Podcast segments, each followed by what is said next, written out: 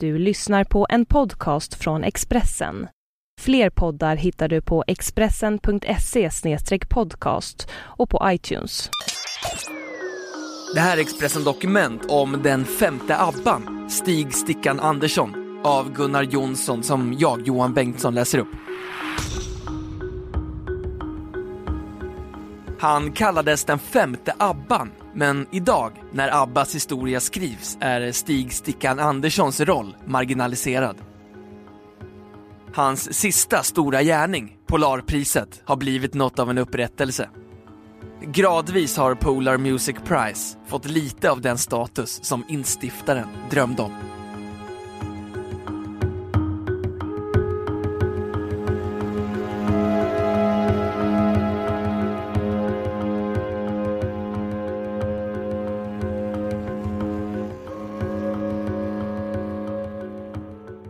För de som var unga på 1970-talet var Stickan Andersson mannen bakom ABBA.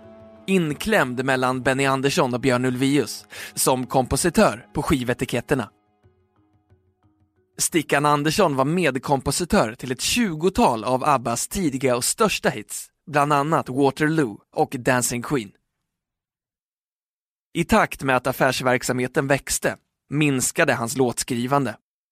Stickan Andersson var såväl manager för popgruppen som direktör för skivbolaget Polar, som utöver ABBA hade artister som Ted Gärdestad, Thomas Ledin och Lena Andersson. För yngre generationer som upptäckt ABBA under de senaste 20 årens revival är Stickan Andersson förmodligen okänd, trots att han var med och skrev Mamma Mia, låten som fick ge namn åt succémusikalen och långfilmen. Bland äldre var Stickan Andersson ett känt namn långt innan ABBA slog igenom 1974. Redan på 50-talet hade folkskoleläraren Stig Andersson börjat skriva sångtexter på fritiden. Genombrottet kom på nyårsafton 1959 när Är du kär i mig ännu Klas-Göran med Lill-Babs gick upp på första plats på radioprogrammet Skivspegelns topplista. Det sägs att Stickan Andersson skrev över 3000 låttexter under sitt liv. En överdrift må hända. Eller så inkluderar siffran ett stort antal sångtexter som hamnade i byrålådan och aldrig gavs ut. I upphovsrättsorganisationen STIMs verksregister står Stickan Andersson som kompositör och eller textförfattare till 1143 låtar. En nog så ansenlig siffra.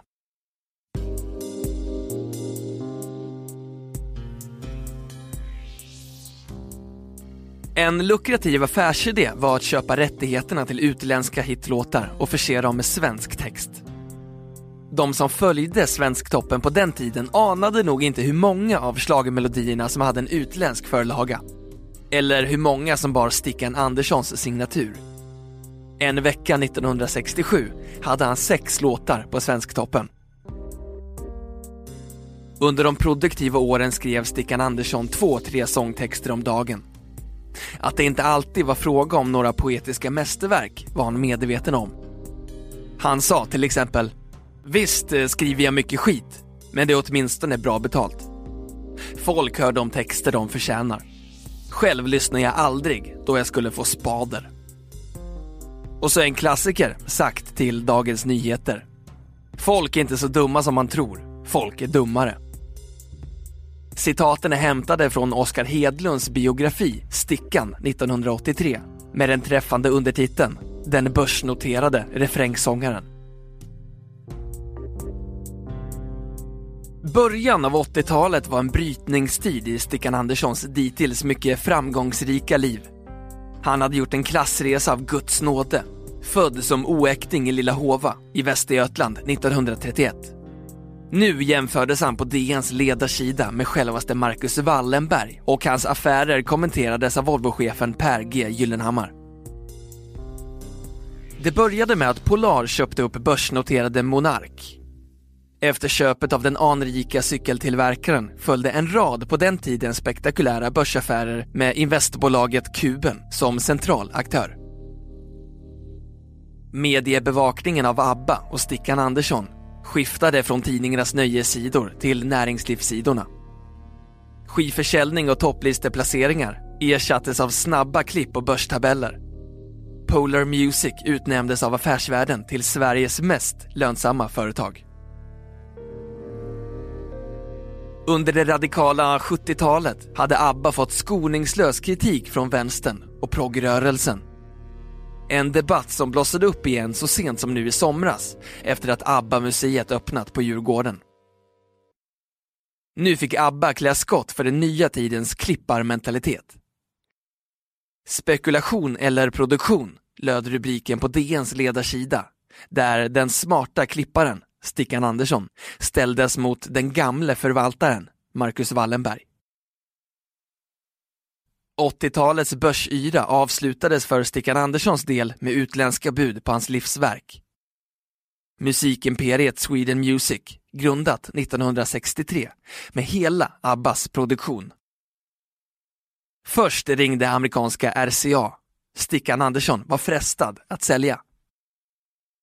Benny Andersson och Björn Ulvaeus hade i samband med Ulvaeus flytt till England sålt sina andelar till Stickan Andersson, som nu var ensam ägare till koncernen. När Benny Andersson insåg att den musik han skrivit var på väg att hamna i utländska händer protesterade han hejvilt. Stickan Andersson avböjde RCAs bud. Året därpå kom ett nytt bud och nu kunde Stickan Andersson inte stå emot. Polygram, som ingår i nuvarande Universal, erbjöd honom 189 miljoner kronor. Han sålde hela klabbet. Allt som ABBA gjort, sina egna kompositioner och rättigheterna till några av Sveriges främsta kompositörer, som Evert Taube och Olle Adolfsson. En svensk musikskatt blev i ett slag utlandsägd.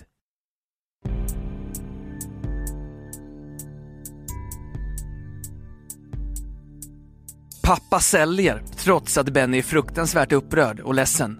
Och det är nu, i kölvattnet av en konflikt mellan två personer som så länge har varit som far och son, som den verkliga katastrofen inträffar. Skriver Marie Ledin i sin bok Min pappa hette Stickan. I samband med försäljningen uppdagades avtal som medlemmarna i ABBA tolkade som att de fått för liten royaltyersättning under många år. De ansåg sig helt enkelt ha blivit blåsta av sin manager och mentor. Det förnekade Stickan Andersson bestämt. Han hade aldrig lurat någon på pengar. En uppslitande strid följde, men innan saken hann gå till rättegång intervenerade Polygram och parterna nådde en förlikning utanför domstol. Men skadan var redan skedd. Under alla år hade Björn och Benny tillskrivit pappa så mycket nu var det bara hat och onda ord, skriver Marie Ledin. En tragisk händelse, men inte på något sätt unik för musikbranschen. Historien rymmer fler exempel än någon kan räkna på artister som anser sig ha blivit blåsta av sin manager. Ett klassiskt exempel på att det finns två sidor av myntet är när Elvis Presleys manager, överste Tom Parker, fick frågan om det var sant att han tog 50% av allt som Elvis tjänade. Nej, Elvis tar 50% av allt jag tjänar, svarade han. Överste Tom Parker hade en mörk sida. Han var spelberoende. Han tog sin tillflykt till Las Vegas kasinon, där han också dog. Stickan Andersson tog sin tillflykt till flaskan, vanligtvis whiskyn Long John. Han slutade som alkoholist. Sista versen i slagerkompositören Stickan Anderssons liv hade inget lyckligt slut. Han blev efter den uppslitande konflikten med ABBA allt mer isolerad i villan på Djurgården. Han var lynnig och vresig. Stickan Andersson ansågs vara en föredetting, mest känd för en popgrupp som var helt ute och vars revival ingen kunde förutse. Stickan Andersson var nere för räkning, men inte uträknad. Han tog 42 av sina miljoner och vände sig till Nobelstiftelsen med ett erbjudande om att inrätta ett Nobelpris i musik. Nobelstiftelsen tackade nej med hänvisning till sina gamla statuter. Då instiftade Stickan Andersson helt enkelt sitt eget musikpris, Polarpriset. Priset delades första gången ut 1992, men som så mycket annat under de sista åren av hans liv blev det inte som Stickan Andersson hade hoppats. Pristagaren Paul McCartney behagade inte att komma till Stockholm för att ta emot priset, en miljon kronor. Samma år inleddes den ABBA Revival som ännu pågår. Samlingsalbumet ABBA Gold gavs ut 1992 och har fram till idag sålts i över 28 miljoner exemplar. Sju av 19 låtar på samlingsalbumet har Stickan Andersson som medkompositör. Bland annat alltså Mamma Mia, som gav namn åt musikalen som hade världspremiär i London 1999. Världssuccén Mamma Mia fick Stickan Andersson aldrig uppleva. Han avled 1997, märkt av mångårigt alkoholmissbruk. Därmed fick han heller aldrig uppleva hur hans arv till musikbranschen, Polarpriset, förvaltats. I slagersammanhang har det ofta hetat att fel låt vann. När Polarpristagare presenterats hette det länge att fel person fick priset. Så var det i bra många år efter Stickan Anderssons död. Det är svårt att säga exakt när Polar Music Prize uppnådde det anseende som det har idag. Kanske 2006, när priset gick till de brittiska hårdrockarna Led Zeppelin och ryske dirigenten Valerij Gergiev. När amerikanska rocksångerskan Patti Smith för två år sedan tog Stockholm med storm noterades i vart fall ett slags all time high för Polarpriset. Då, om inte förr, måste den börsnoterade refrängsångaren hålla ett brett i sin himmel. Du har hört Expressen Dokument om den femte Abban, Stig Stickan Andersson av Gunnar Jonsson.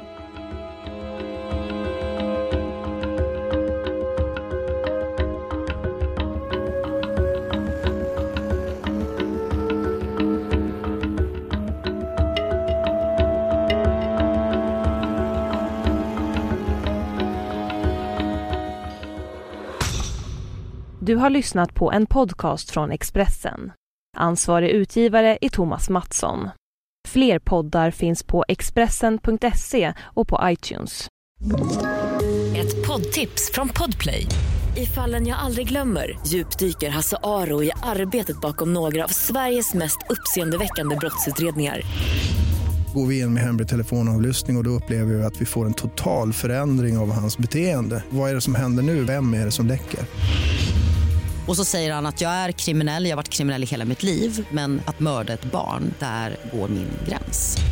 Nya säsongen av Fallen jag aldrig glömmer på Podplay.